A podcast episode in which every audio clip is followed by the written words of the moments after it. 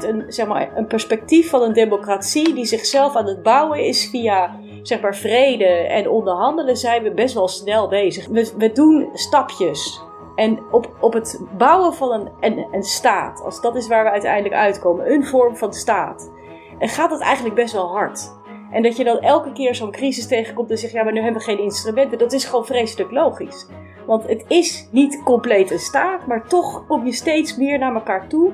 Waarbij je beslist om samen bepaalde dingen te doen. Maar je kijkt ook weer naar waar je vindt dat de burger het best gediend wordt. En dat is in Europa een heel spannend iets, waarbij je deels zegt: wat moeten we nou naar het hoge niveau gooien, zeg maar naar het equivalent van het federale niveau. En welk soort van dingen wil je eigenlijk leveren op het lokale, of het provinciale, of het, het nationale niveau.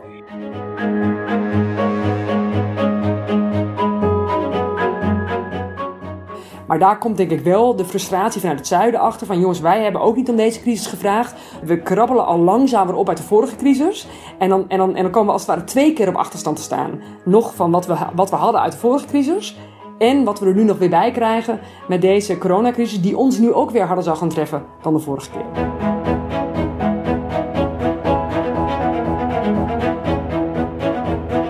Dus deze crisis is ook echt een mogelijkheid, of biedt mogelijkheden, om ook aan sociaal beleid te gaan doen. Om te gaan nadenken over, moeten we niet een werk, werkloosheidsuitkering gaan uitvinden voor heel Europa? En moeten we niet gaan nadenken waar onze zwakken zijn? En hoe zorgen we voor onze ouden?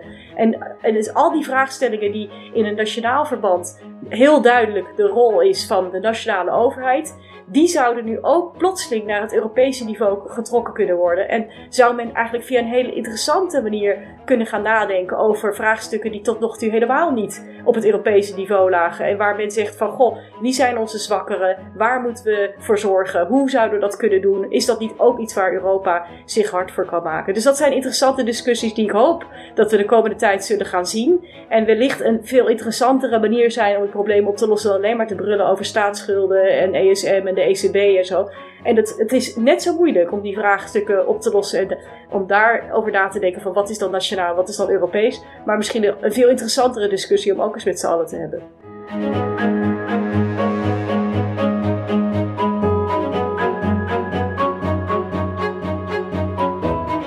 Dag allemaal, welkom bij de Stuk Rood Vlees podcast. Mijn naam is Armin Hakverdian, ik ben politicoloog aan de UvA. Volg ons via Twitter, @stukroodvlees. U kunt mij volgen via @hakverdian of neem een kijkje op www.stukroodvlees.nl.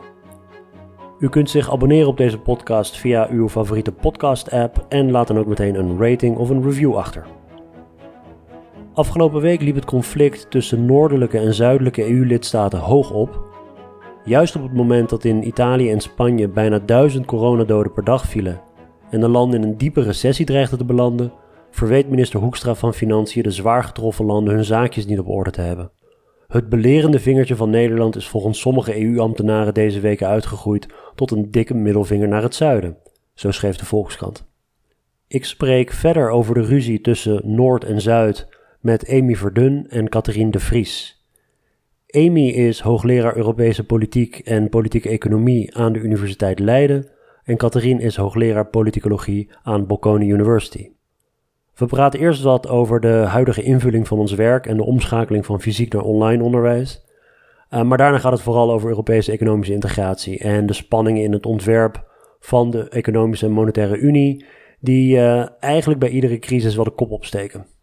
U kunt Amy en Catherine volgen op Twitter, at Amy Verdun en at de Vries. Ik zal in de show notes links posten naar Amy's recente werk. En uh, Catherine is al veel vaker te gast geweest bij de podcast. U kunt vroegere afleveringen terugvinden in de feed. Veel plezier met Amy Verdun en Catherine de Vries.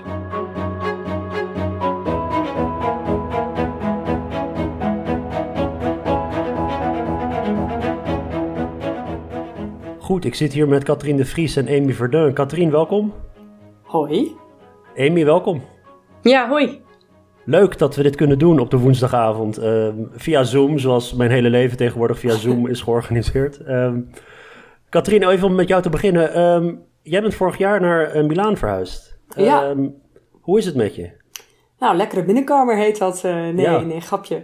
Uh, nou, het is nu uh, nou, superleuk. Lunaan is superleuk. Uh, maar ja, deze uitbraak, wij zitten nu in de zesde week van de quarantaine. Of in ieder geval dat we niet meer naar huis, niet, niet uit het huis mogen. gisteren is wel dat we, we hebben een hond, dus we konden nog wel naar buiten. Maar sinds gisteren mogen ook weer kinderen zo nu en dan naar buiten. Mits je dat in, in de directe omgeving doet en met een papiertje op zak. Uh, dat je dus uh, ja, waar je woont en uh, dat je geen corona hebt en dat soort dingen. Dus, ben je ja, getest? Dus, ik ben niet getest. Nee. Nee, we hebben dus wel, ja, dat hoor je ook bij heel veel Nederlanders nu dan. Dat wij natuurlijk ook een zware griep hadden en het vermoeden hadden dat we corona hadden gehad. Maar dat was al voor de, de lockdown als het ware. Dat weet ik, dat weet ik niet. Ik neem aan dat nu gaan de geruchten dat, dat je van die, die toetsen krijgt om te kijken of je immuun bent. En dat er dan een soort ja, dat het een tijdje zal duren dat eerst mensen die immuun zijn naar buiten mogen en dat soort, uh, dat soort verhalen. Maar dat is nog niet helemaal duidelijk. Uh, eigenlijk uh, nu geeft Conte een, een toespraak op de Italiaanse tv, die ik nu moet missen natuurlijk. Maar waar hij nog weer gaat uitleggen dat het langer gaat duren. En, maar dat de cijfers gelukkig wel naar beneden gaan. Dus er zijn veel minder besmettingen. en nu gaat ook het dodental gelukkig naar beneden. En hoe keek jij, zeg maar in die allereerste weken? je zat er een paar weken eerder in die hele discussie en rondom ja, uh, scholen dicht, binnenblijven. En je ziet om je heen, zie je eigenlijk een verlaten discussie in de omringende landen. Ja. Waarbij ook in Nederland eerst mensen gewoon, ja, eerst even niet handen schudden en er werden grapjes over gemaakt, elleboogjes en weet ik veel wat. Maar toen zaten jullie al diep in de quarantaine. Ja, nou, ik, ik, ik, ik schrijf uh, elke maand voor het Financieel Dagblad. En hadden ze ook even gevraagd of ik er, weet je, als een soort exoot iets mocht gaan schrijven over hoe voelt dat nou in de quarantaine. Dus het soort, uh, ja, elke dag is zondagmorgen gevoel. En, uh, en dat je dat, ja, dat je dus digitaal allerlei dingen gaat doen met scholen. En ik merkte wel dat in de app van mijn vrienden, die hadden echt zoiets, ja, wat is dit? Weet je, zo van zo'n verhaal. Uh, en ook een beetje dat, uh, ja, misschien komen we daar vandaag nog wel, vanavond nog wel verder op terug, uh, dat stereotype van, van de Italiaanse toestanden. En ze krijgen het maar niet, houden het maar niet onder controle, alsof dat in Nederland niet zou gebeuren. En daar waren wij volgens mij wel heel, ja, hadden we heel sterk het gevoel van, dit is echt menens en dit is echt heel anders. En en dat was in Milaan al heel duidelijk. Dus Milaan is de hoofdstad van Lombardije, wat, de, wat zeg maar de provincie is waar natuurlijk eh, de haarden waren. Niet in, uh, in, in Milaan zelf, in de stad. Daar zijn niet zoveel besmettingen, of relatief gezien niet zoveel besmettingen.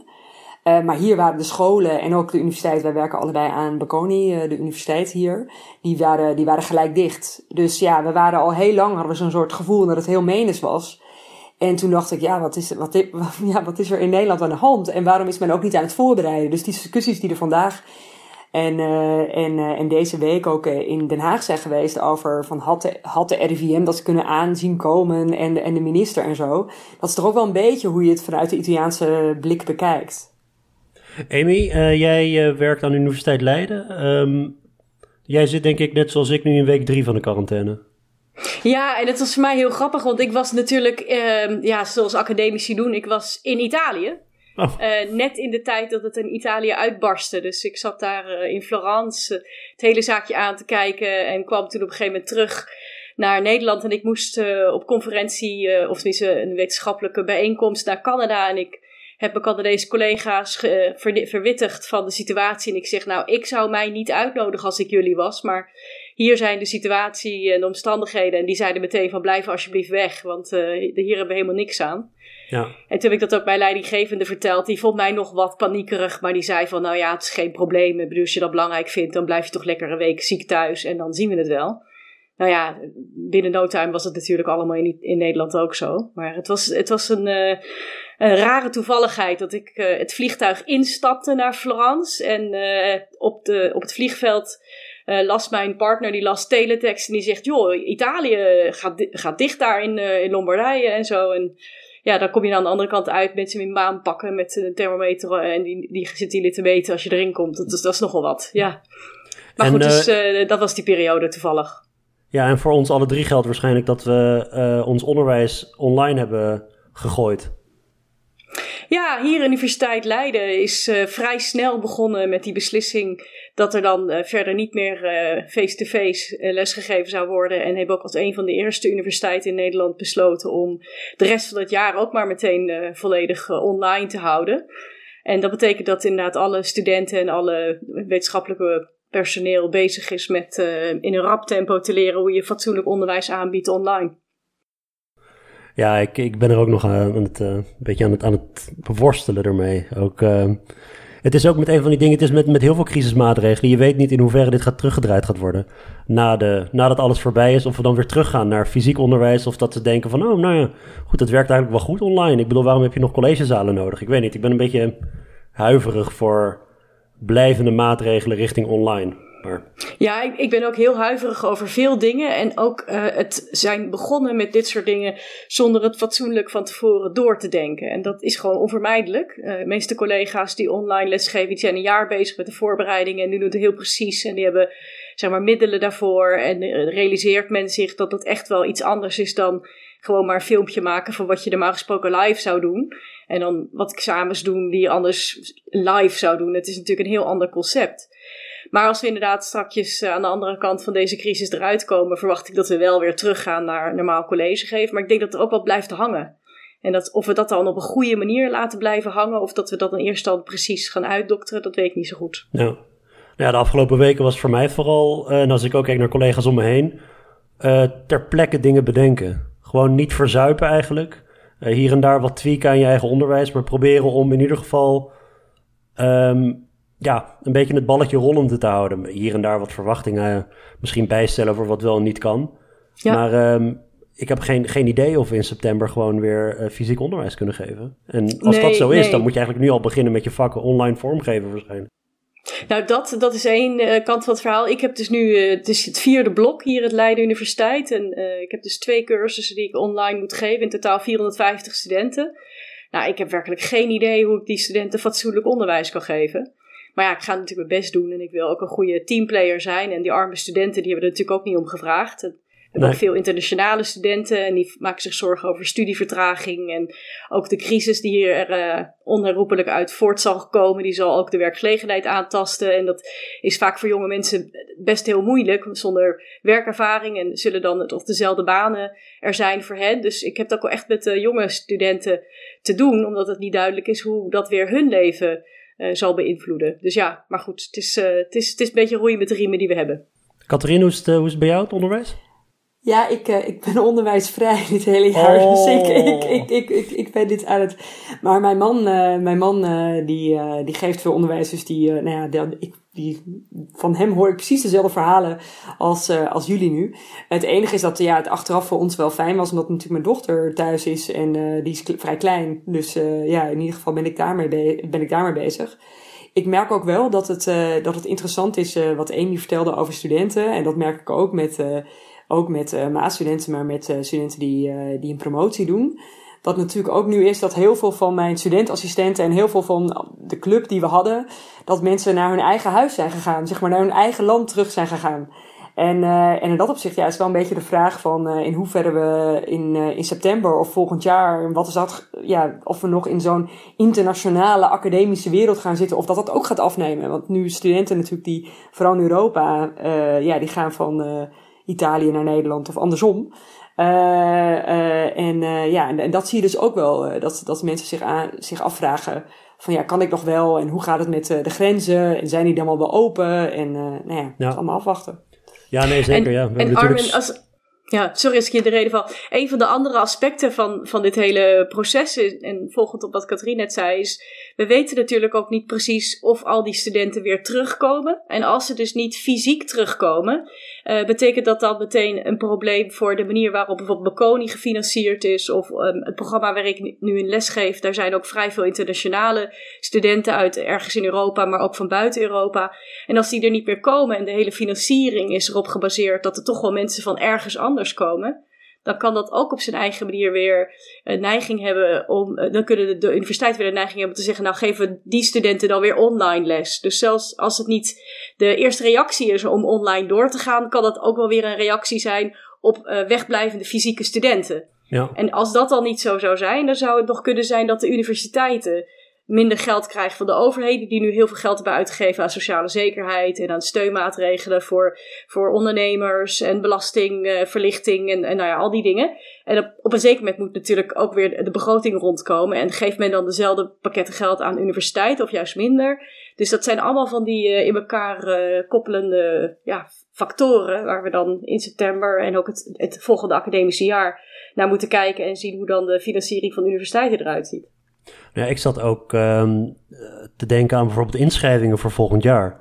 Dat uh, er allerlei studenten ook komen naar onze BA en MA zijn. Uh, dus onze BA is tweetalig, heel, heel veel internationale studenten ook, volgens mij hetzelfde als in Leiden. De MA's zijn allemaal uh, Engelstalig. maar je zult best mensen hebben die um, niet, niet kunnen komen, fysiek. En dat je toch op de een of andere manier een scenario kunt bedenken waarin je zowel fysiek als online vakken moet geven.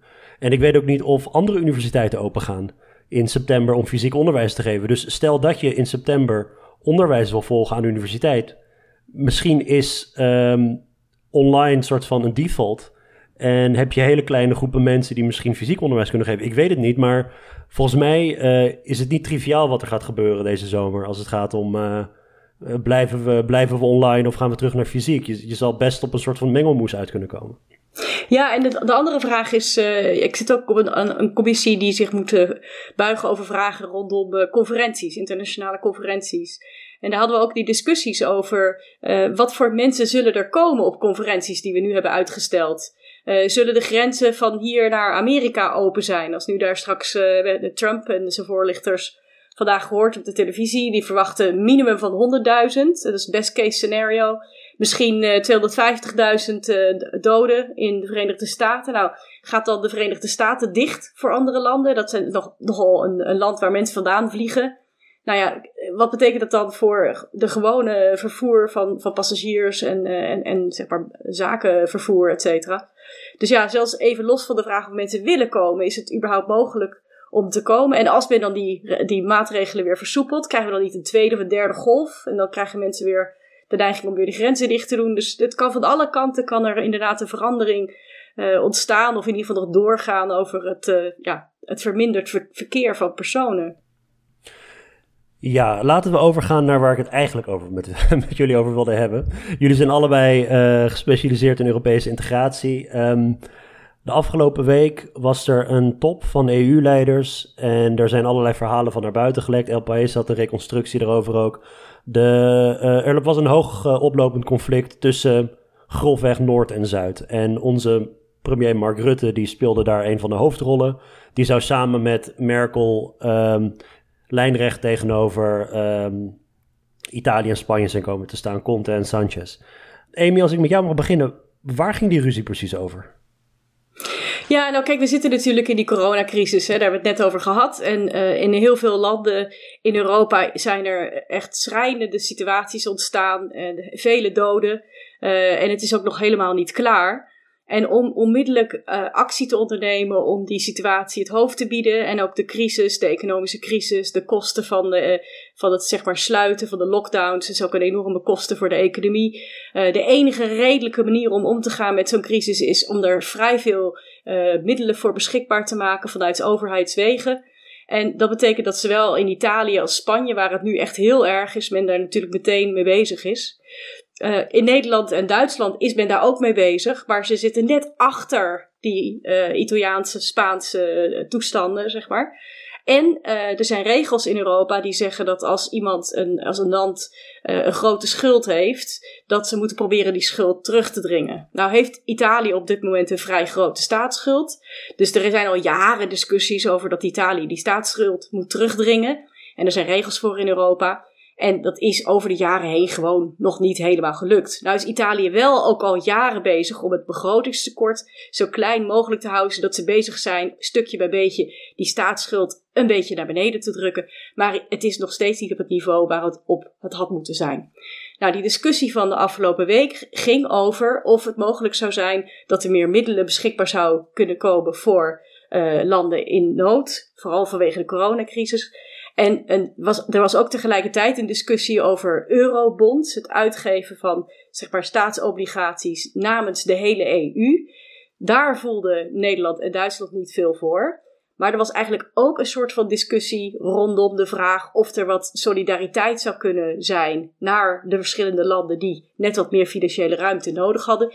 Die discussie die liep een beetje door elkaar heen. Met als resultaat dat uh, Nederland en Duitsland werden beticht van het feit dat ze helemaal niet solidair waren voor, uh, met de landen die dus nu hoge nood hadden.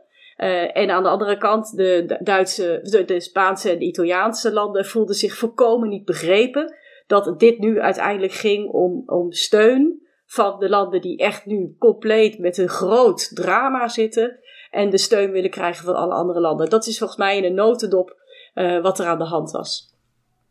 Katrien, hoe is dat uh, in uh, Italië uh, opgevat?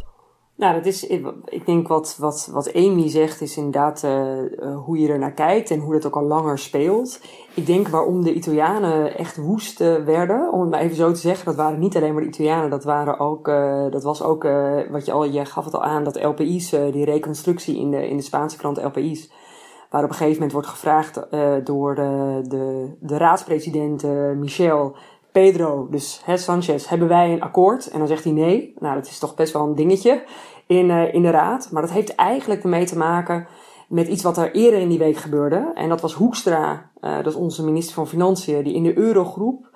Uh, we weten niet precies, want dit wordt allemaal niet helemaal hè, naar voren gebracht. Maar we weten niet precies wat er gebeurd is, maar wat we zo kunnen reconstrueren is dat uh, toen er werd gevraagd, uh, zoals Amy zei, voor solidariteit of een teken van solidariteit. En dat moet je natuurlijk, heeft, wat Amy zegt ook heel belangrijk is, dat, dat, dat men in Spanje en Italië echt in een golf van doden zit. Hè? De, de beelden uit Bergamo, waar het leger uh, grafkisten naar een ander crematorium brengt, omdat men niet genoeg plek meer heeft. Dus men zit echt in diepe rouw. En dan vraagt Hoekstra, om het maar even zo te zeggen, op, het, op zijn zeg maar zuinigs uh, uh, kruideniers Nederlandse aard. die vraagt, zouden we een rapportje kunnen maken over de begrotingen en dan vooral doelend op, op Italië, waarom die zuidelijke landen nou eigenlijk niet genoeg ruimte hebben om zelf die maatregelen te financieren. Dus om zelf de schuld op te, doen, op, op te laten lopen. Hè, de Europese Unie had al gezegd, je mag van die, van die regels een beetje afwijken. En, en waarom kunnen ze dat dan maar in heel geringe mate? Nou, en dat viel dus volledig verkeerd. Uh, moeten we ook zeggen dat deze week uh, eigenlijk uh, Hoekstra en, en vandaag hoorde die Rutte ook weer zeggen. Eigenlijk zei nou, dat was ook niet zo slim.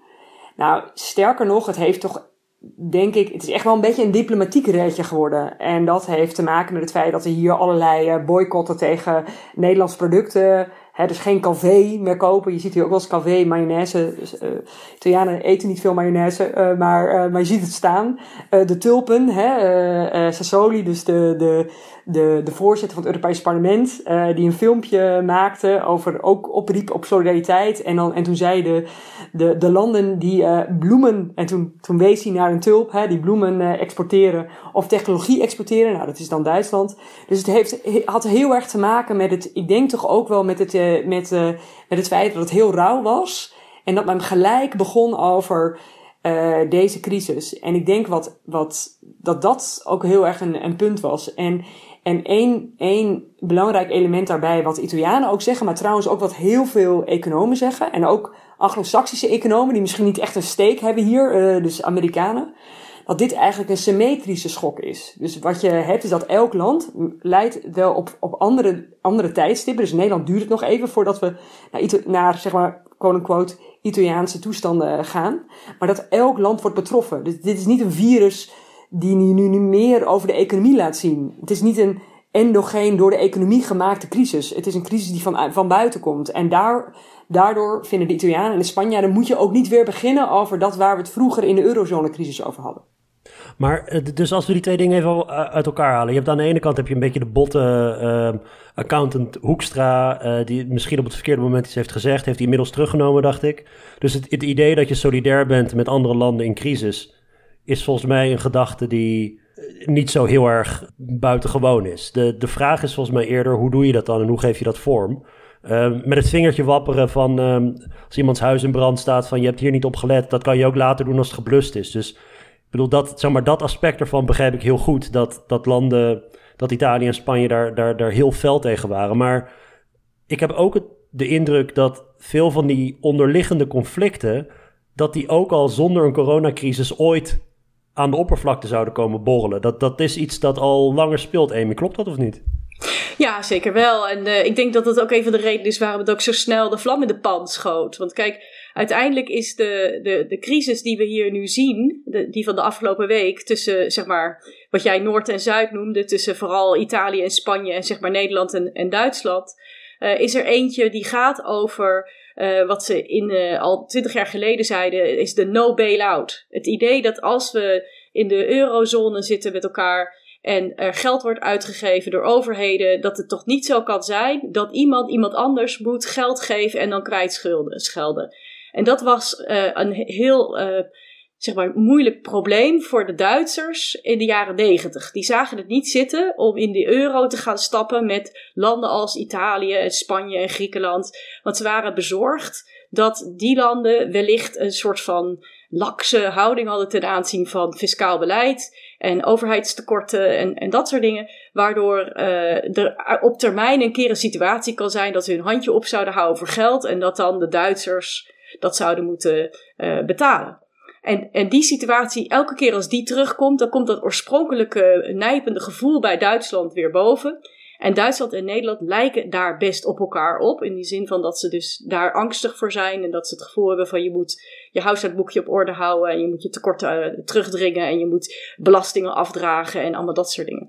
En het is in die zin dan ook een beetje cultureel. Omdat dat je dus kijkt naar hoe komt het nou dat in bijvoorbeeld een land als Italië er zo'n grote staatsschuld is. Dan is dat door allerlei redenen. Het is onder andere ook omdat het in Italië vrij moeilijk is om het land goed te regeren. Dus er zijn altijd regeringen die vallen. En dan moeten ze er weer een nieuwe maken. En dan moet je weer verkiezingen hebben. Dan valt er weer een regering. Het is best moeilijk in Italië om het, het land goed te managen. Dus er is op een gegeven moment een grote schuld. En om die dan weer uh, ja, terug te dringen is, is moeilijk. Dat is in het algemeen moeilijk in Italië al, al heel veel uh, jaren. Komt er nog eens bij dat de crisis van de laatste zoveel jaar een aantal landen harder heeft getroffen dan een aantal andere landen. Maar dat zelfs het voor- en nadeel van in de eurozone uh, heel erg met elkaar uh, verweven is. Dus de, de, de afzetmarkten voor Nederlandse, uh, Catherine noemde het al, tulpen. En, en andere producten uit Nederland en Duitsland, dat zijn onder andere landen in het zuiden. Maar de, de overschotten van zeg maar, investeringen, die zijn ook allemaal naar het zuiden gegaan, onder andere. Dus het is, het, de een zijn brood is de ander, de ene dood de ander zijn brood, de ene is investeringen, dus de andere zijn, zijn, uh, zijn uitgaven, et cetera. Dus die dingen die zijn met elkaar verbonden. En als we nu nog eens de laatste grote crisis hadden, dus na de financiële crisis, hebben we natuurlijk ook de migratiecrisis. Ik zou zeggen gehad, maar we hebben hem nog steeds, want het is niet helemaal opgelost. En vooral die migranten die toen uit het Midden-Oosten zijn gekomen in grote getalen in 2015, 16 en er zijn er nog steeds, maar het is, de toename is wat minder groot. Die komen natuurlijk ook aan in Griekenland en die, er zijn veel meer in Italië, et cetera. Dus de, de, de, de, de hoeveelheid steun die het noorden, zeg maar de, de landen uit nou ja, Midden- Centraal- en Noord-Europa hebben gegeven aan de landen van het zuiden, is ook relatief laag. Dat dat meer Europees kunnen zijn. Dus dat ligt ook nog heel rauw bij, bij die landen in, uh, in, het, mediterrane, in het mediterrane gebied. Maar uh, dat, dat, zeg maar, dat, dat oorspronkelijke uh, issue dat de Duitsers hadden en Nederland in het kiel zocht, volgens mij in de jaren negentig deed Nederland min of meer kopieerde alles wat, wat, wat Duitsland deed. en um, dus ik bedoel, ze trekken, ze trekken nu op, maar dat is, dat is natuurlijk van oudsher zo gegroeid. Maar um, ik neem aan dat, zeg maar, dat die, die uitdaging van je gaat met z'n allen, ga je dit project aan en je hebt een andere economische cultuur, een andere fiscale cultuur in sommige landen dan in andere. Dat voordat Duitsland en Nederland en zo erin stapten, dat ze bepaalde verdedigingsmechanismes inbouwden hierin, zodat het niet uit de hand zou lopen. Ja, nou dat is het interessante en daarom is de discussie van vandaag over die eurobonds wel heel spannend. Toen ze oorspronkelijk het zogenaamde Verdrag van Maastricht hadden opgezet, met ideeën over economische en monetaire samenwerking, toen hebben ze ongeveer de helft van het huis neergezet. En een deel daarvan was een centrale bank en dan afspraken over begrotingstekorten en staatsschulden. En omdat er dus geen fiscale overheid is, er worden geen belastingen geheven, er worden geen uitgaven gedaan namens Europa, althans niet meer dan 1% van de totale bruto binnenlands product wat er in, in Europa wordt verdiend. Dus een heel klein percentage wordt door de staat Europa uitgegeven. Betekent dus dat je afhankelijk bent van lidstaten en hoe lidstaten doen. En dan maak je een serie regels en dan probeer je iedereen aan te houden. Dat gaat dan zo zeer matig, een beetje, maar niet echt super geweldig. En dan elke keer komt er bij de volgende stap komt er uit dat er ja, misschien toch meer iets Europees gedaan moet worden. Bijvoorbeeld, je moet misschien banken reguleren. Dat als er een bank omvalt, dat je dat niet allemaal nationaal moet doen, maar Europees. Maar dat zat helemaal niet in dat oorspronkelijke plan. Want toezicht houden over banken was nog steeds in de lidstaten hun handen. Dat zat niet in dat oorspronkelijke plan. En zo komt bij elke stap komt eruit dat we ja, misschien toch nog iets meer Europees moeten doen. En die eurobonds, waar nu over wordt gepraat, gepraat kijk, de economen die kijken ernaar en die zeggen, ja, maar we hebben helemaal geen Europese staat. Dus waarom zou je nou eurobonds uitgeven? Want wie dekt dan die staatsobligaties wanneer je helemaal geen staat hebt? Dus een, een, zeg maar een wat conservatieve econoom die gewoon alleen maar naar het huishoudboekje kijkt. En zo kijken bijvoorbeeld een aantal van die uh, mensen in Nederland, in Duitsland kijken daarnaar. Die zeggen, ja, maar wie gaat dat dan dekken? Terwijl een wat meer Europees georiënteerde persoon die denkt van ja, het is, het is een work in progress. We zijn van losse staten naar steeds meer samenwerkende staten gegaan. En is dit niet zo'n stap die je moet maken? En dan een aantal van die andere problemen dan ook tegelijkertijd oplossen. Ja, dat, dat is een manier waarop die monetaire unie is gemaakt. Maar strikt genomen is dit zo'nzelfde soort van knelpunt waarbij je een deel samenwerkt en een deel ja, nog niet hebt opgelost. Ja, je krijgt inderdaad het punt ook wat, eh, wat Amy aanhaalde als het om die, specifiek om die eurobonds gaat. En er zit nu wel een beetje een discussie die door elkaar loopt. Aan de ene kant de eurobonds, aan de andere kant het, het, de brief die van die negen lidstaten kwam, die over coronabonds ging. Dus dat was het idee dat je nu de, de staatsschuld gaat financieren door een soort one-off. Dus in één keer een, een, een datgene wat je nu door corona extra moet gaan lenen, is wel lastig hoor, om dat vast te stellen wat dan dat en wat dan niet uh, uh, van iets anders komt. Om dat te gaan financieren via een zogenaamde coronabonds. Daar is ook een historisch precedent voor. Dat hebben we ook in de oliecrisis gedaan.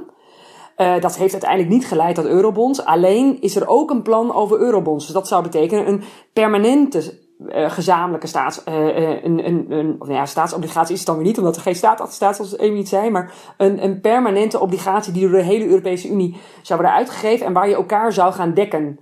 Uh, en dat is inderdaad hetgene waar, waar Duitsland en, en Nederland heel huiverig over zijn. Het interessante is dat de, de groep van negen die die coronabrief, bondbrief heeft geschreven. Dus dat waren niet alleen maar zuidelijke landen, maar dat was bijvoorbeeld ook Ierland.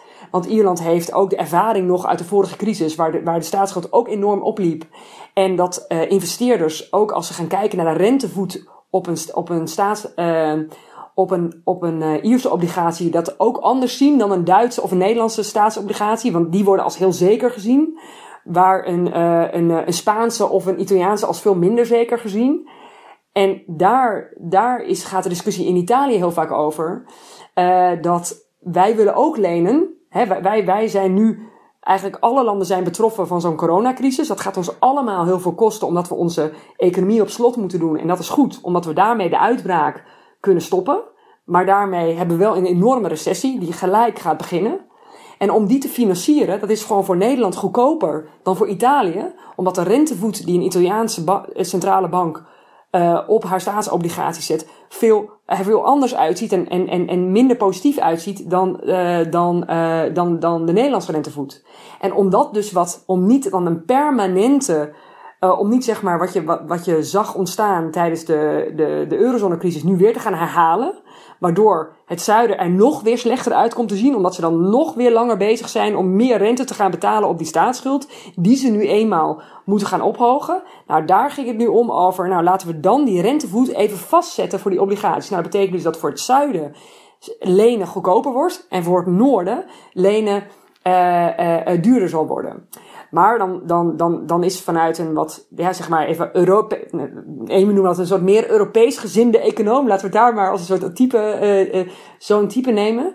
Dan is het idee dat je daardoor de recessie in de, de Unie als het ware wat meer spreidt. Waardoor die binnenmarkt sneller uit die recessie uh, uh, weer, omhoog krabbelt. En waardoor je exporteurs en, en, en vrij verkeer van goederen, dat je uiteindelijk zorgt dat daar niet veel stroefheid ontstaat, waardoor die binnenmarkt beter, kan, beter geolied blijft, als het ware. En dat was de hele discussie over die coronabonds. Daarnaast hangt er nog weer een discussie, inderdaad, zoals Amy tegen, over moeten we dat misschien permanenter gaan doen. Uh, maar de Nederlanders en de Duitsers zeiden bij die coronabonds al van, nou ja, jongens, dat gaan we niet doen. Want uh, daar wordt uiteindelijk, nou ja, zoals een wat conservatieve Duitse econoom het zei, nou, daar gaan we 100 miljard uh, bij, uh, bij de Duitse staten in, in incasseren. Moet je wel zeggen, als je gaat kijken naar de, naar de recente geschiedenis, is het lijkt me onwaarschijnlijk dat, je, dat, je, dat dat het geval zou zijn. Vooral ook als je die, als je die, als je die, die coronabonds een hele lange uh, duur gaat geven. Dus dat, dat, dat, dat het heel lang duurt om die als het ware terug te betalen. Dus dan zou je het over generaties uitsmeren. Maar alleen, ik denk dat het inderdaad ja, bijna een no-no is uh, vanuit, het noordelijke, uh, vanuit het noordelijke kamp. Maar daar komt denk ik wel de frustratie vanuit het zuiden achter. Van jongens, wij hebben ook niet om deze crisis gevraagd. We, we, we, we krabbelen al langzamer op uit de vorige crisis. En dan, en, dan, en dan komen we als het ware twee keer op achterstand te staan. Nog van wat we, wat we hadden uit de vorige crisis. En wat we er nu nog weer bij krijgen met deze coronacrisis, die ons nu ook weer harder zal gaan treffen dan de vorige keer. Hoe, in hoeverre uh, dus de kritiek uh, vanuit, uh, nou laten we zeggen, Nederlandse hoek van mensen die, ehm, die huiverig zijn voor, ehm, voor, voor de meer Europese ehm, invalshoek, is door simpelweg te zeggen: ja, we hebben de crisis hier ook op moeten opvangen. We hebben uh, ons huiswerk wel gedaan, quote unquote. En dat hebben landen uh, zoals Spanje en Italië niet gedaan. In hoeverre zit er iets in dat argument? Los even van de solidariteit en de timing, hè? maar dat idee van het ene land heeft zijn huishoudboekje beter op orde dan, dan andere landen. Ja, het is, het is een hele moeilijke. Ik denk dat uh, staatsschuld is sowieso iets van een lange duur. En uh, het systeem wat ze in Europa erop na hebben gehouden is om te kijken naar begrotingstekorten die van jaar tot jaar kunnen worden beoordeeld. En dat heeft een regering van alle dag iets meer controle over. En Italië heeft de laatste paar jaar toch wel best wel goed zijn best gedaan. Vergeleken met uh, zeg maar de, de typisch Italiaanse manier van omgaan met, uh, met tekorten zeg maar in de jaren 70 en 80. Dus het is, het is wel heel kort door de bocht om te zeggen van ze doen helemaal niks. En die, die uh, financiële crisis die ze hebben gehad en die migratiecrisis, dat zijn ook gewoon uh, crises die, die tijd kosten om, uh, om, om af te betalen. het was niet al te lang geleden dat de, de Britten hun laatste schuld van 1940 of zo hadden afbetaald. En ook hun IMF-schuld van de jaren 70 en zo. Dus sommige schulden die kosten gewoon tijd om, om, om af te betalen. Dus ik, ik, ik denk dat het niet zo heel zinnig is om al te veel aandacht te besteden aan dat er meer gedaan had kunnen worden en of je dat nou wel had moeten doen, et cetera. Kijk, het probleem in Italië is dat er al een hele poos uh, veel economische krimp is. Er is een gebrek aan economische groei. En dat kan aan allerlei dingen liggen. Dat ligt aan de bevolkingskrimp zelf. Uh, er is vrij veel oudere mensen in Italië. Ja. Uh, ja. vergrijzing. Uh, er is ook een heel laag geboortecijfer. Van de Italiaanse vrouwen hebben een, een, relatief laag kinderaantal per, per hoofd van de bevolking. Er zijn ook gewoon een aantal structurele dingen in Italië die eigenlijk wel toe zijn aan, aan vernieuwing. Uh, ook gewoon hoe de overheid zijn, uh, zijn zaakjes regelt met uh, zeg maar veel dingen als belasting ophalen of de bureaucratie. Dus er zijn gewoon een aantal dingen die, die gewoon nu. Het is tijd dat er een aantal dingen veranderen. En dan krijg je misschien op een gegeven moment ook een beetje een vernieuwing. Maar ja, dat, daar hebben die Italianen, die zijn er gewoon mee bezig. Kijk, wij doen er ook voor eeuwig over om onze belastingaftrek uh, rondom uh, hypotheek, hypotheekaftrek of zo te regelen. Dat weten we ook al jaren dat we dat een keer moeten veranderen. Ze zijn ook tien jaar mee bezig om dat voor elkaar te krijgen. Want er altijd wel iemand is die zegt, ja, nee, maar dat moeten we dan toch maar niet doen en zo. Dat weten we ook. En, en dat gebeurt dan ook niet. Dus het is heel makkelijk om naar een ander land te kijken en te zeggen, waarom hebben ze dat allemaal niet gedaan? En dan komt er zo'n crisis langs. Ja, omdat jullie dat niet hebben gedaan, dan nu hè, gebrek aan solidariteit. Dus ik denk dat die kant is, is gewoon niet heel erg zinnig. En waar ik zou uh, benadrukken voor de, zeg maar, de eurosceptische uh, stemmen is: kijk, op, op het moment dat je solidair wil zijn, dan moet je nadenken: voor wie wil je solidair zijn? En ik denk het voordeel van uh, solidariteit in Europa is dat je hebt je partners uitgekozen waarop je denkt dat je in de wereld beter af bent als je met die mensen samenwerkt. En in de Europese context zijn dat dus andere lidstaten die ook in de Europese Unie zitten, die met elkaar afspreken om zich aan bepaalde normen en waarden te houden, bepaalde regels. En die kijken we in de ogen en dan weten we, daar kunnen we zaken mee doen. En de Italianen, die horen er gewoon keihard bij. En als die dan een keer hulp nodig hebben, dan bied je ze hulp aan. En als je bang bent voor dingen als uh, zeg maar moral hazard, dat ze dan al het geld uitgeven en dat je daar dan te veel voor moet betalen, ja, dan moet je afspraken gaan maken over hoe je dat dan gaat doen met terugbetalen en onder de omstandigheden. En dat is dan waar de discussie over gaat. Niet om de solidariteit uh, niet te hebben voor, voor dit soort landen. Hmm. Katrien, jij bent eh, de afgelopen tijd misschien meer dan gebruikelijk in Twitter-discussies verzand geraakt, die wel dit um, eigenlijk hierover gaan. Van Um, wij, quote-unquote, hebben onze zaakjes op orde. Zij, quote-unquote, niet. En um, waarom moeten wij nou ophoesten voor het falen van, van andere landen? Ja, echt, echt twee dingen. Ik ben het met geheel uh, eens met wat Amy, uh, Amy zegt uh, daarover. En ik denk echt twee dingen wel belangrijk zijn. Eén, één ding over Italië en één ding over Nederland. En je ziet hier toch wel vrienden van mij, waarbij ook sommigen, net zoals ik, in een soort Noord-Zuid huwelijk zitten. Dus met een Duitser of met een Nederlander zijn getrouwd. Dus we zitten dan aan twee kanten. Ik ben zelf met een Spanjaard getrouwd dus, uh, en woon in Italië. Dus krijg het van alle kanten mee. Maar het idee dat dus Noord-Italië is getroffen. Lombardije is gewoon rijker dan Nederland uh, uh, per hoofd. het is een van de, de rijkste regio's van, van de Europese Unie. Italië heeft zelf ook met heel veel verschillen. Eigenlijk zitten die Noord-Zuid verschillen in Italië zelf. En die Noord-Italianen of die Lombard, ja, de Lombardijtse uh, trots, die is wel een beetje aangetast door, uh, door, door het optreden van Nederland. Van het idee van, jongens, hallo, uh, weet je, wij zijn, Italië is een van de grootste handelpartners van, van Nederland ook. Wij, wij, wij handelen of exporteren meer naar Italië dan naar, dan naar de Verenigde Staten, om maar eventjes zo te zeggen. Italië koopt veel bloemen en planten en die, zijn, hè, die waren ook volgens minister Schouten nu in de problemen. Dus men heeft heel erg het gevoel van, ja, maar wij, in ieder geval in Noord-Italië, waar dus, waar dus zeg maar de, de rouw en de, en, de, en, en de verwoesting van corona zo groot is, daar worden wij dus nu door, door het noorden in, in, in de steek gelaten. Terwijl wij ook heel veel dingen in Italië willen veranderen. Dat lukt ons niet allemaal niet altijd, omdat we zelf ook met die Noord-Zuid uh, verschillen zitten. Maar, uh, maar ja, we voelen ons een beetje in de steek gelaten. En aan de andere kant, over wat je over Nederland zegt, ja, ik, ik, uh, ik, ik zie dat zelf een beetje dus als een Nederlander, in de Nederlandse aard, als ik zo even filosofisch over mag, uh, mag, uh, mag praten, heeft een soort dominee in zich, hè, de, de protestantse dominee, en dan de, ko de koopman, hè, die, die dus over de, de, en, die, en die protestantse dominee is heel erg mee bezig met mensen de les te leren, en daar houden ook Nederlanders van. Vrij bot, ook gewoon zeggen van dit vinden we, en, en dat moeten andere mensen maar hebben, my way or the highway. En aan de andere kant uh, uh, het, ja, het wielen en dealen. En wij moeten over onze, onze dijken heen kijken. En ik heb zelf krijg ik een beetje de. Ik, ik zie dat dus nu van iets meer afstand. Maar zelf krijg ik een beetje het gevoel dat in, uh, dat, in ieder geval misschien bij het ministerie van Financiën of bij deze regering in het algemeen.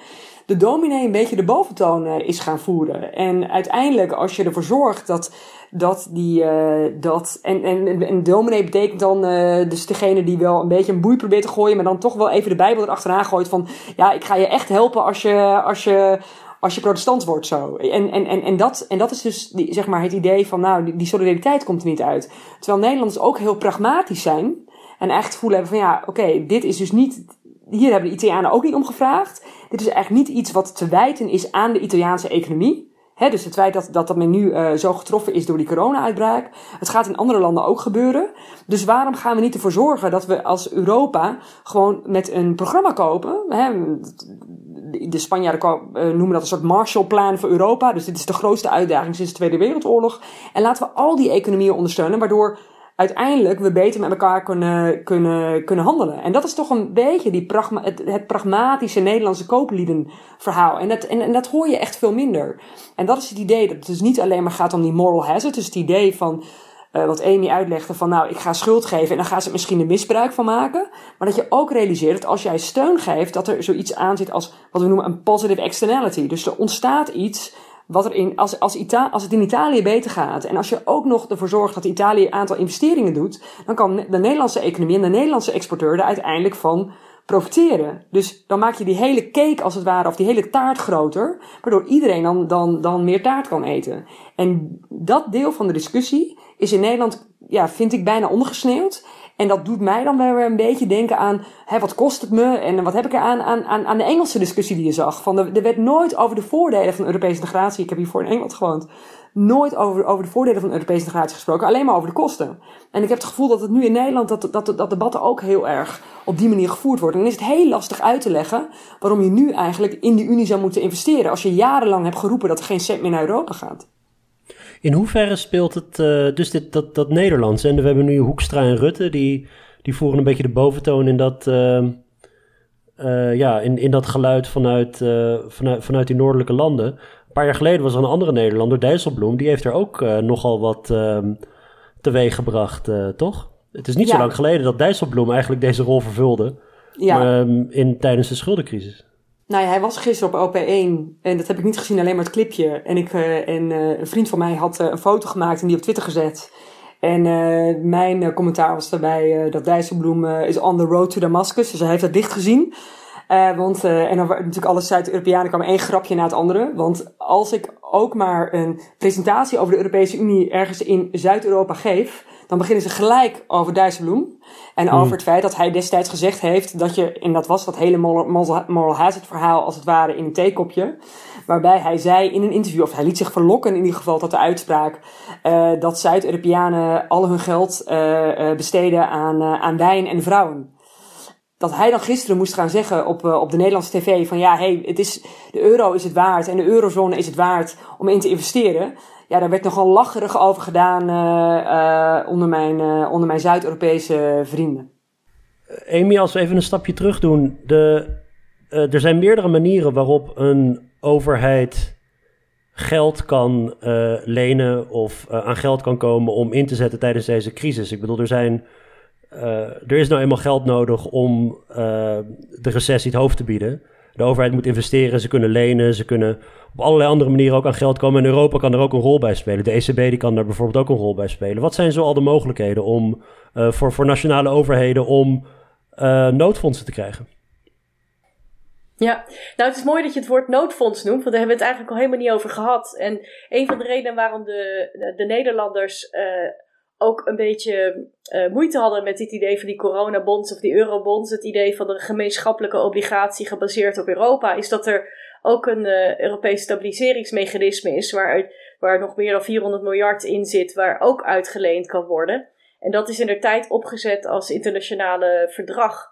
Uh, door de lidstaten om op die manier ook de landen die dus problemen hadden van, van geld te kunnen voorzien. Die konden dan geld lenen van dat, uh, van dat Europese stabiliteitsmechanisme. En dan konden ze dat op termijn weer terugbetalen. En er zit nog gewoon geld in. Dus een deel van de, van de reactie van zeg maar, Nederland en Duitsland is van waarom gaan we daar dan niet mee aan de slag? Dat is prima.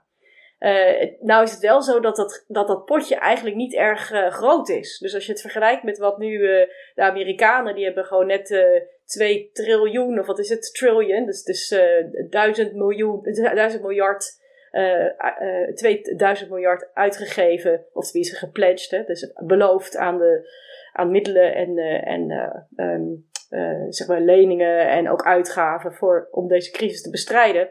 En, en zo'n groot bedrag voor een economie die kleiner is dan de Europese Unie, is, is iets wat zij daar nu even vlug doen voor, voor de crisis. Ja, je zou zoiets ook in Europees verband kunnen verzinnen. Nou, waarom, waarom is dat best moeilijk in Europa? Nou, ik zei eerder al, de Europese Unie heeft eigenlijk maar een heel klein budget.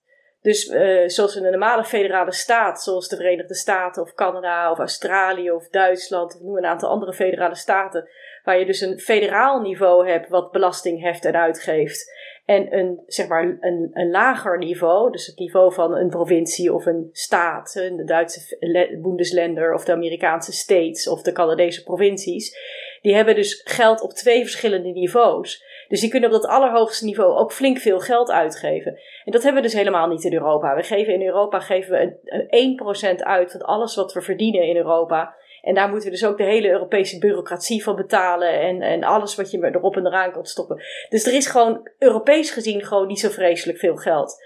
Dus als je nou een, een, eh, een actie wil ondernemen om een, een economie te stimuleren dat de, de portefeuilles zijn de landen zelf. De, de nationale overheden, dus de overheid van Nederland, de overheid van Italië, de overheid van Spanje, die hebben geld. De Europese Centrale Bank heeft ook een flinke pot beschikbaar gemaakt voor, voor leningen en ook eventueel om het op te kopen van, van staatsobligaties van andere landen. En dat is op zich wel een heel spannende manier om uh, toch wat asymmetrischer bezig te zijn. Dus dat je niet van iedereen evenveel opkoopt. Maar dat je zegt, oké, ik ben ook wel bereid om misschien wat, uh, wat meer op te kopen van wat landen die het wat zwaarder hebben. Dus dat zijn andere middelen die je kan gebruiken om ook Euro Europese solidariteit te tonen. Maar in grote lijnen denk ik dat toch de grootste uitgevers zijn nationale overheden. En die hebben de grootste uh, budgetten. Dat is, die hebben de, de, de, de grootste, ja, de deepest pockets, zoals ze in het Engels zeggen. Dus hebben de, grootste begrotingen waar ze het meeste mee kunnen doen. Maar dat loslaten van die uh, symmetrie door de Europese Centrale Bank, uh, dat is nogal wat, toch? Ja, dat is nogal wat. Ja, dat was in de tijden van Draghi, was dat, uh, had hij het daarover gehad. Hij had gezegd, uh, anything, uh, whatever it takes. Dus we gingen de euro verdedigen met, met man en macht. nadat hij dat zei, was eigenlijk de crisis ongeveer voorbij. Ik bedoel, hij kwam nog een paar keer doorschokken, maar de grootste schok was daarmee eigenlijk wel voorbij. En toen, dat was in juli dat hij dat zei. In september kwam hij toen met een plan van wat dat dan in feite betekende. Maar ze hebben dat plan eigenlijk nooit hoeven uh, uit te voeren. En we zouden nu dus weer in de situatie kunnen komen dat we dus die, die ideeën die toen zijn uitgevoerd, of uh, bedacht door Draghi, nu kunnen uitvoeren. Waarbij je dus wat, wat, uh, ja, wat asymmetrische staatsobligaties zou kunnen opkopen van de verschillende landen. Nou ja, wat, uh, wat, uh, wat Amy zei is, is, is, inderdaad helemaal waar. Dus er zijn ook een aantal, uh, zeg maar, echt wat conservatieve Italiaanse economen die denken, nou, het is allemaal wel prima. De ECB gaat gewoon 50% van de Italiaanse sta staatsschuld opkopen en daarmee kunnen we het financieren. Hè? Dus daar, daar, ik weet niet of de ECB, dat is niet duidelijk dat de ECB dat soort volumes gaat opkopen.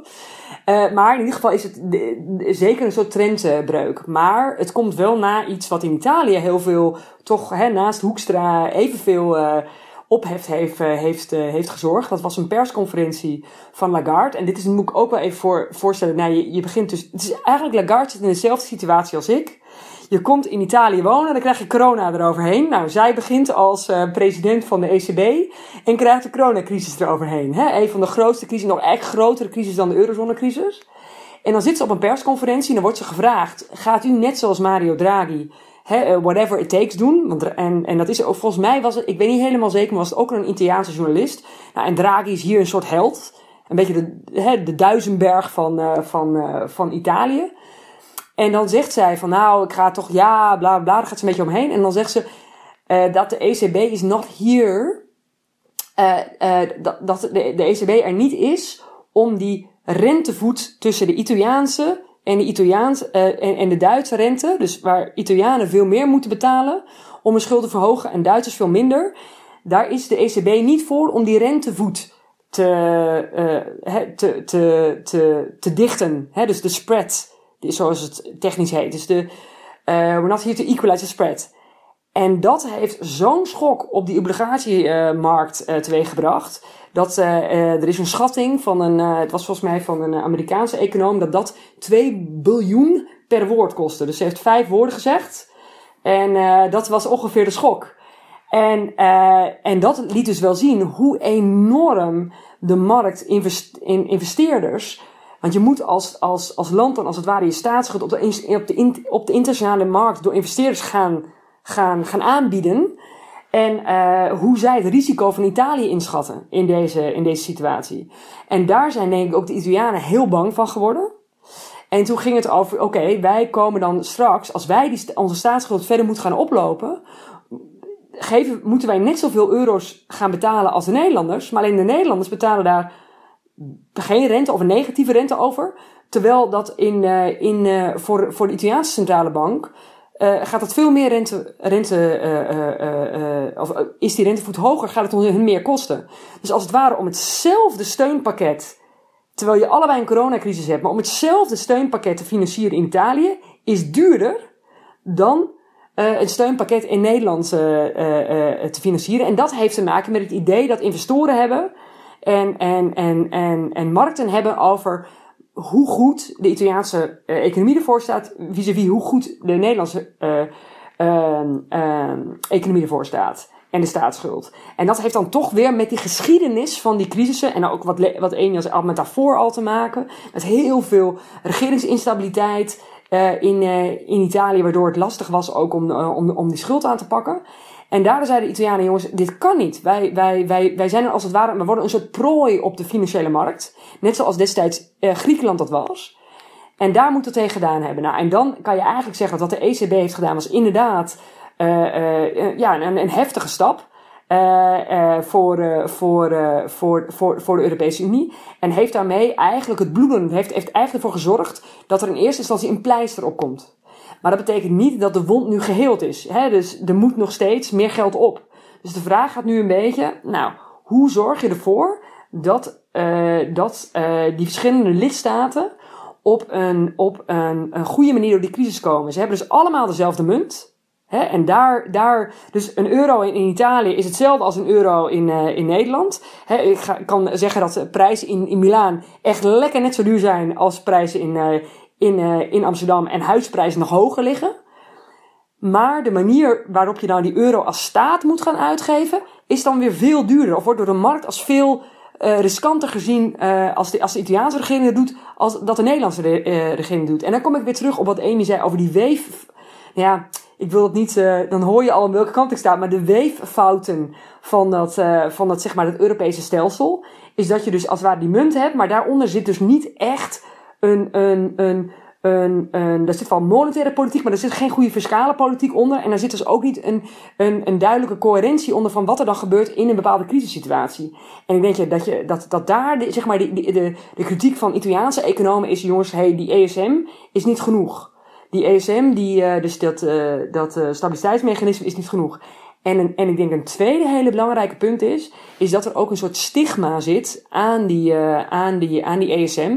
En dat komt eigenlijk ook uit de vorige crisis. En dat had te maken met Griekenland. Dat Griekenland het land was wat ook uh, veel steun kreeg. Er kwam, een, er kwam ook allerlei controle, dat noemen we een trojka. Dat waren allerlei Europese instituties die de controle op gingen uitoefenen. En dat heeft heel veel stigma met zich meegebracht. En investeer, investeerders, of, of in ieder geval daar is men bang voor. Ik weet niet of het echt waar is, maar in Italië hoor je dat veel.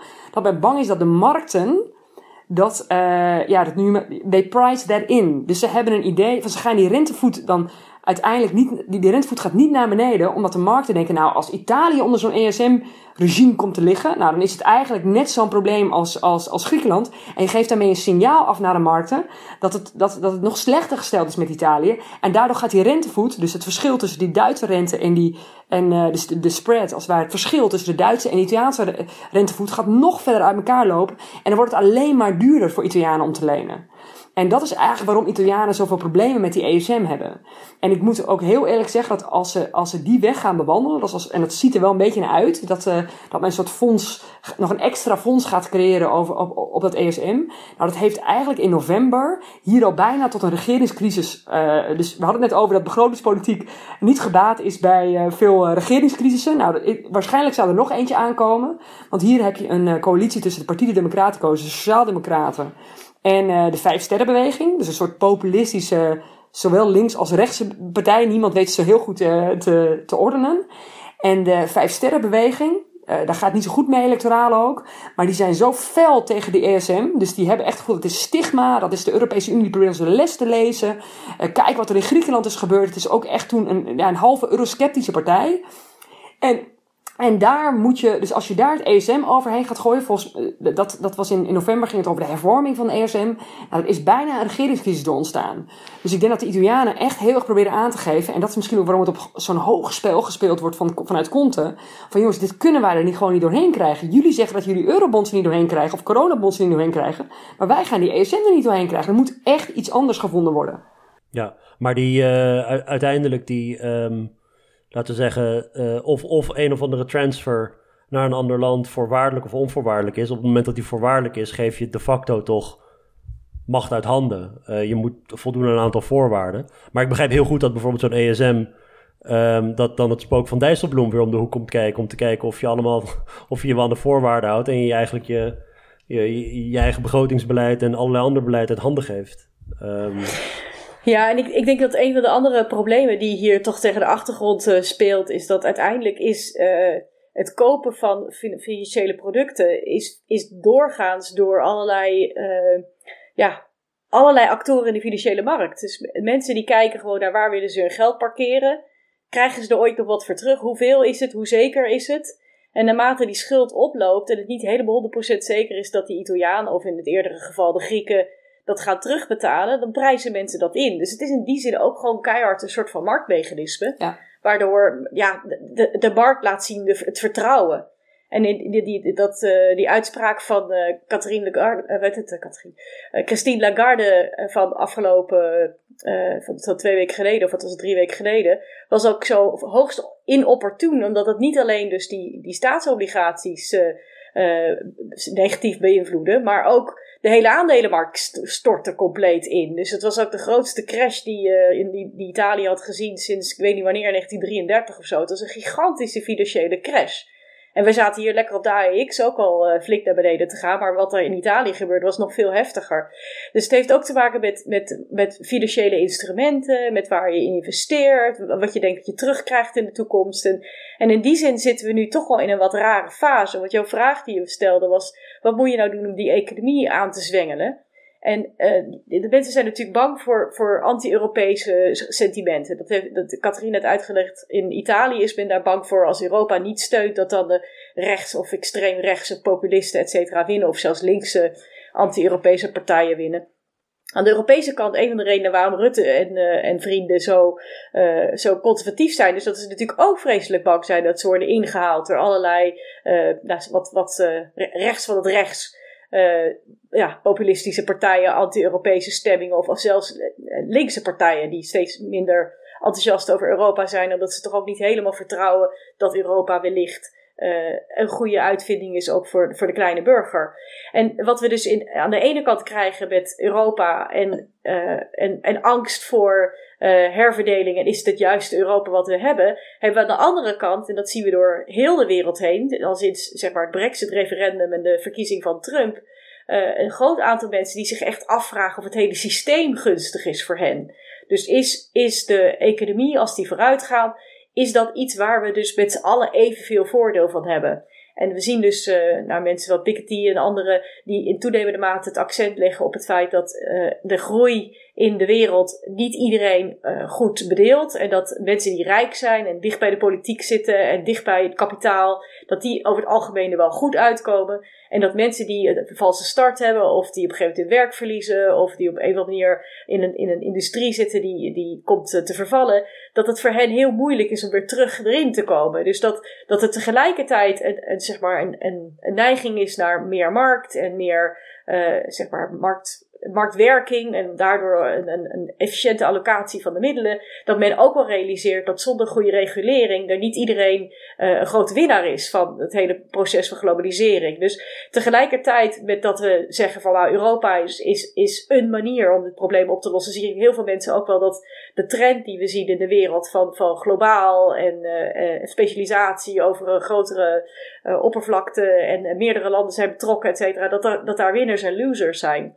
En die hebben weer een neiging om te zeggen van kijk, dan wil ik graag dat mijn land voor mij zorgt. En dat is een soort van nationalistisch sentiment, wat we nu in de laatste nou ja, twee, drie, vier jaar en zelfs wel langer ook tegelijkertijd zien. En dus ik denk dat Rutte ook wel een beetje in een rare spagaat zit. Dat hij enerzijds probeert te zeggen, uh, ik wil dat we niet zeg maar geld geven aan Europa zonder dat, dat we daar uh, condities aan stellen. Je moet je voorstellen dat Europa sowieso uh, door de Nederlanders momenteel heel veel geld krijgt. En Nederland is per capita een, een een, een netto contributor. Ook al ben ik het met Catherine meer dan eens dat je zo moet je eigenlijk helemaal niet rekenen. Want Nederland is een handelsnatie en de, hoeveelheid dat er een handel omgaat is vele mate groter dan het kleine beetje geld dat ze geven aan Europa. Dus als op alle grenzen dichtgaan en er wordt geen handel meer gedreven, dan zijn we er vele malen slechter af dan dat beetje geld wat er naar Europa gaat. Maar het is natuurlijk wel zo dat, dat de Nederlander geld betaalt aan Europa. En dat er toch ook best wel veel mensen zijn die zich zorgen maken of een, een, een nationale staat gewoon nog echt goed voor zijn burgers kan zorgen. Dus deze crisis is ook echt een mogelijkheid, of biedt mogelijkheden, om ook aan sociaal beleid te gaan doen. Om te gaan nadenken over, moeten we niet een werk, werkloosheidsuitkering gaan uitvinden voor heel Europa? En moeten we niet gaan nadenken waar onze zwakken zijn? En hoe zorgen we voor onze ouden? En, en dus al die vraagstellingen die in een nationaal verband heel duidelijk de rol is van de nationale overheid die zouden nu ook plotseling naar het Europese niveau getrokken kunnen worden. En zou men eigenlijk via een hele interessante manier kunnen gaan nadenken over vraagstukken die tot nog toe helemaal niet op het Europese niveau lagen. En waar men zegt van, goh, wie zijn onze zwakkeren? Waar moeten we voor zorgen? Hoe zouden we dat kunnen doen? Is dat niet ook iets waar Europa zich hard voor kan maken? Dus dat zijn interessante discussies die ik hoop dat we de komende tijd zullen gaan zien. En wellicht een veel interessantere manier zijn om het probleem op te lossen dan alleen maar te brullen over staatsschulden en ESM en de ECB en zo. En het, het is net zo moeilijk om die vraagstukken op te lossen en om daarover na te denken van wat is dan nationaal, wat is dan Europees. Maar misschien een, veel interessantere discussie om ook eens met z'n allen te hebben. Ja, en, en, nog wel, oh, sorry, als, maar één ding wat daar wel belangrijk bij is, is denk, denk twee dingen. Er is inderdaad vandaag een, uh, een voorstel, uh, of in ieder geval op Twitter heeft ze dat aangekondigd. Uh, een Sure, dat, dat is het, inderdaad het het arbeidsverkorting uh, uh, op Europees niveau. Dus je kan, hè, wat, wat we in Nederland ook hebben gezien, dat hebben we koertsarbeid ook in Duitsland gezien. Dus dat er Europese financiering zou komen voor landen waar je dus door die crisis wil heen, wil heen komen door arbeidsverkorting toe te passen. Hè, waardoor je niet mensen hoeft te ontslaan, maar ze gaan dus, ze gaan dus minder werken. En dan zou de klap minder, minder groot zijn. En dat zou als een soort uitruil ook kunnen worden gebruikt. Uh, naar, uh, naar zuidelijke landen toe. En dat, dat zal natuurlijk in vooral uh, de, de Partij Democratico, Sociaaldemocraten hier gedeeltelijk aan de macht en, en de Vijf Sterrenbeweging. Maar ook Podemos en, en PSOE, de Sociaaldemocraten, wat linkse regeringen in, in, in, in Spanje. Ik denk dat toch wel één ander element ook nog meespeelt, uh, uh, wat ik toch nog even wil noemen, want het is inderdaad dat beetje zwarte pieten heen en weer. Maar wat je in de Italiaanse en ook, je zag misschien de, de bijdrage die Costa, dus de, de, de premier van uh, Portugal, even gaf over de vreedheid van, uh, van, van de Nederlanders had dus te maken met, uh, met Rutte en, uh, en, en Hoekstra, of de opstelling van vorige week, is dat er zowel door de Portugezen, de Spanjaarden als de Italianen heel erg wordt gewezen op de belastingontduiking, of die zij zien als belastingontduiking. Dus het, het feit dat Nederland een belastingparadijs is en een hele aantal grote mate van, uh, van brievenbusbedrijven uh, heeft. En dat, dat, dat, is onderzocht. Dat is onderzocht door, uh, door, door ehm, Nederlandse eigenlijk, collega's van, van, van Armen, Elke Heemskerk en zijn groep, maar ook door een aantal mensen in Berkeley. En dat is eigenlijk in Ierland, Ierland, Luxemburg en Nederland zie je dat heel sterk. En dat wordt als het ware ook door Italianen aangevoerd. Van ja, jullie hebben het wel de hele tijd over dat wij een informele economie zouden hebben en dat wij niet uh, goed op onze centen kunnen passen. Maar jullie eigenlijk trekken zoveel belastinggeld weg. Doordat Italiaanse bedrijven niet in Italië kiezen belasting te betalen. Maar die, die openen uh, hun, uh, hun zetel in, aan, aan de Zuidas. En komen dan op in een ander belastingtarief terecht. Kijk, of dat allemaal, het is allemaal heel lastig en heen en weer te spelen. Maar het is, het is echt complexer dan dat het vaak wordt weergegeven. Maar nog één ding wat, uh, wat Amy wel zei, wat, waarom ik eigenlijk inderdaad ook geen politicus zou willen zijn op dit moment, is dat het niet alleen maar gaat over deze economische verhalen. Je kan nog een heel efficiënte oplossing verzinnen, maar het gaat er ook om in hoeverre dit een verdrag verandering met zich meebrengt, als er een verdrag verandering met zich meebrengt, nou, dan moet je toch naar de, naar, de nationale parlementen. Dan is de vraag, in Ierland weten we dat dat dan automatisch al uh, een referendum zal, uh, zal gaan triggeren. Daar, daar moeten verdragsveranderingen, Europese verdragsveranderingen via referendum besloten worden. Nou, in Nederland uh, kan dat allemaal niet meer helemaal, helemaal zo, maar het is wel echt een lastig verhaal. Want je moet dan weer naar nationale parlementen en dan gaat het niet meer over wat is het nou het beste idee, of wat is het efficiëntste idee, ook vanuit een handelsoogpunt. Maar dan gaat het heel erg over, hey, ik heb al die eurosceptici uh, in, in, in mijn rug hijgen. En die hijgen mij in, in Italië in de rug omdat ze vinden dat we worden uitgebuit door, door het rijke noorden. En het rijke noorden zeggen, nou, we gaan, er gaat te veel naar, uh, naar, het, naar het arme zuiden als het ware. Dus om, om verschillende redenen ontstaat er eurosceptisch in, in, in delen van de Unie. En dat zag je al in, in de eurozonecrisis en dat, en dat komt nu terug. En ik denk dat je, dat je daardoor inderdaad ja, wat, wat Amy ook schetst, heel goed wel die standpunten van verschillende regeringen kunt uh, weergeven. Dat ze sommige dingen ook echt het gevoel hebben, ik kan dat niet verkopen. En dat was ook iets wat Merkel expliciet zei, als we LPI's mogen geloven, in die, uh, in die, uh, in die raadszitting. Ze zei van jongens, dat komt gewoon niet door het, door het, door, door het Duitse parlement. Dus ook al zou ik het willen, waarschijnlijk wil ze het niet, ook al zou ze het wel willen, dan, dan is ze gewoon heel bang dat ze, dat ze uiteindelijk zo'n, zo'n, zo'n verdrag uh, verdragsverandering uh, ja, op, op, op nationaal niveau niet, niet door de politiek kan loodsen. Niet het parlement kan loodsen. Um, Amy, had vorig jaar je oratie gehouden. Um, waarin je dus schrijft dat uh, de Europese Unie helemaal niet goed toeberust is voor de volgende crisis. Dit is maanden, dit is een half jaar geleden ongeveer, denk ik. De, maanden voor de coronacrisis, dat de lessen van de financiële crisis dat die eigenlijk ehm, veel te diffuus zijn, veel te vaag. Er zijn allerlei uh, whitepapers en beleidsstukken en weet ik veel wat. Maar er is eigenlijk, zeg maar, dat huis dat is half af. En daarbovenop worden allerlei dingen gebouwd, maar het is totaal onduidelijk. En nu zitten we dus in zo'n situatie. Um, dat dus inderdaad, we dreigen in dezelfde. Het is een soort déjà vu van, van tien jaar geleden bijna. Ja, absoluut. En uh, toen die eerste corona-dingen langskwamen in, in januari, toen maakte ik me meteen vreselijke zorgen. En iedereen die om me heen was, had echt zoiets van: oh, komt Amy weer met een gezeur over corona. maar ik zeg: nee, maar we zijn helemaal niet, de, we, zijn er niet klaar voor. Weet je, en ik zat allemaal voor scenario's te bedenken over. En dan krijgen we een biologische crisis en een financiële crisis en een economische crisis. En we zijn er Europees ook nog niet helemaal klaar. Dus ja, daar maak ik me inderdaad uh, al poosje zorgen over. En daarom staat het inderdaad ook in mijn, uh, in mijn oratie. Maar kijk, dat is op zich helemaal niet zo spannend. Want dat is eigenlijk hoe Europa gecreëerd wordt. Het is vanuit een, zeg maar, een perspectief van een democratie die zichzelf aan het bouwen is via zeg maar vrede en onderhandelen zijn we best wel snel bezig in Europa. Dat klinkt misschien heel raar, maar ik, ik denk altijd maar aan die Chinezen die zeggen van, ja, weet je wel, de vragen ze altijd van, wat, wat vindt u van de Franse revolutie? En dan zeggen de Chinezen, ja, het is nog een beetje vroeg om dat te beslissen. En ik denk dat het met de Europese Unie net zo is, dat, uh, dat we, we doen stapjes. En op, op het bouwen van een, een, een staat, als dat is waar we uiteindelijk uitkomen, een vorm van staat, en gaat het eigenlijk best wel hard. En dat je dan elke keer zo'n crisis tegenkomt en zegt, ja, maar nu hebben we geen instrumenten, dat is gewoon vreselijk logisch. Want het is niet compleet een staat, maar toch kom je steeds meer naar elkaar toe. Waarbij je beslist om samen bepaalde dingen te doen. Maar je kijkt ook weer naar waar je vindt dat de burger het best gediend wordt. En dat is in Europa een heel spannend iets. Waarbij je deels zegt, wat moeten we nou naar het hoge niveau gooien? Zeg maar naar het equivalent van het federale niveau. En welk soort van dingen wil je eigenlijk leveren op het lokale of het provinciale of het, het nationale niveau? En ik vind dat die coronacrisis nu ook heel duidelijk aangeeft dat mensen willen ook dat een staatshoofd die mensen kunnen vertrouwen en waarvan ze denken dat is ons in dit geval, in het geval van Rutte, dat is onze man. Dat ze denken van ja, dat is onze politicus. Daar, daar, hè, dat is het niveau waarop we dat graag willen horen. Dat is voor de mensen heel belangrijk. En op het moment dat je dat soort dingen zou gaan verplaatsen naar het Europese, mensen identificeren zich daar niet mee, ja, dan zou het ook niet zoveel betekenis hebben als daar een, een of andere Europese persoon waar mensen zich niet mee identificeren, allemaal dingen gaat lopen brullen. En dan moeten we binnen blijven. Want iemand waarmee je niet identificeert gaat lopen zeggen: In Europa, gaan we nu allemaal uh, social distancing. En dat komt dan van iemand waar je niet echt op gestemd hebt. Dus dat is ook wel een moeilijk iets. Dus om daar heel negatief te doen over ja, dat Europa is niet af en dat is echt heel dramatisch. En ik, ja, nee, dat, dat, het is er niet af. Het is best wel dramatisch, maar we kunnen er ook wat aan doen. Dus het wordt op het moment dat er een crisis is, wordt het ook gewoon duidelijker waarom je dat wil doen. En ik denk dat Catharina ook al een beetje zei, wat je voorzichtig, waar je voorzichtig mee moet zijn, is dat de mensen die in een, in een leidende positie zitten, dat die dus, hè, die politici, die Catharina ook op dit moment liever niet wil zijn, omdat het zo heel moeilijk is om te doen, die moeten zichzelf eigenlijk proberen wat meer gedisciplineerder op te stellen.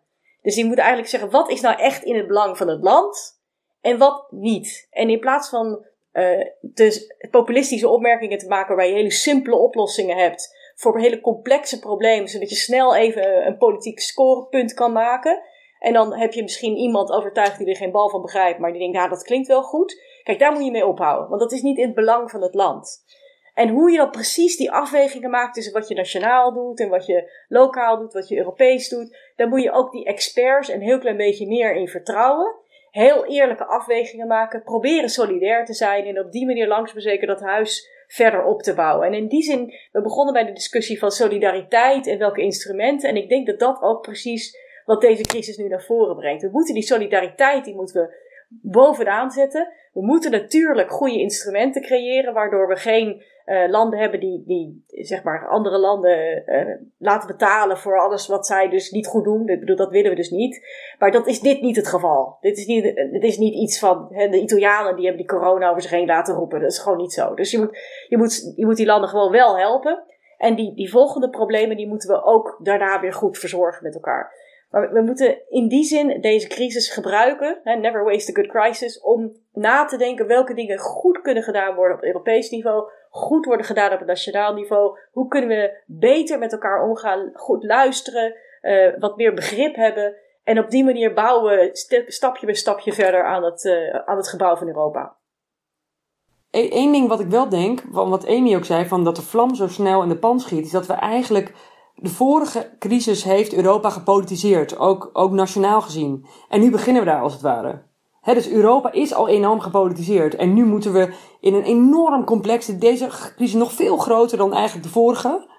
En nu moeten we daar oplossingen voor gaan, voor gaan, voor gaan vinden. Terwijl publieke opinie nu nadenkt over, oh, wat vind ik eigenlijk over Europa? Oh, ik heb eigenlijk op een eurosceptische partij gestemd. Oh, uh, Rutte is eigenlijk populistisch een beetje anti-Europees. Geen zet meer naar Europa. En dat, en, en, en dat maakt deze crisis denk ik wel heel lastig. En waardoor ik het toch ook wel zo nu en dan, net als Amy, als een soort gestrest kippetje rondloop. En dan nadenk, oh, oh, oh, wat, waar, waar, wat, waar, gaat het naartoe? Dus aan de ene kant denken we, ja, inderdaad, we hebben altijd in Europese integratie gezien dat we, dat we zeg maar met die crisissen verder gaan en dan, en dan, en dan, en dan, uh, en dan uiteindelijk een oplossing zullen vinden.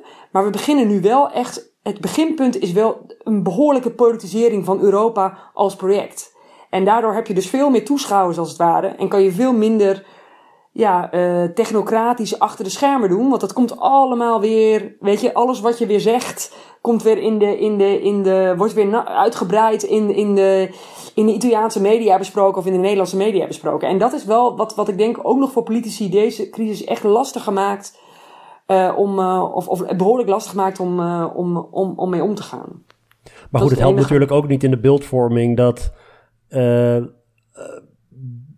heel veel van die nationale leiders ogenschijnlijk, ik bedoel, achter de schermen wordt er vast gecoördineerd, maar ogenschijnlijk verschillende maatregelen nemen op verschillende momenten. Grenzen dit of uh, scholen dit. Of uh, terwijl er, er allerlei instrumenten zijn op Europees niveau waarbij ook informatie wordt uitgewisseld. Maar dat hoor je allemaal niet. Je ziet als burger, zie je de nationale leiders en het lijkt net een soort van um, ja, anarchie van, oké, we leven weer in een Europa van de nazistaat. Er is geen EU, er is geen coördinatie, er is geen solidariteit. Zo begon deze coronacrisis een beetje, voor mij althans, als, als, als uh, toeschouwer. Um, en pas nu merk je van, oké, hey, we hebben zo'n heel Europees raamwerk dat ook nog op de achtergrond speelt. Maar je ziet het pas op het moment dat de leiders ruzie hebben over de betaling, is Europa er weer.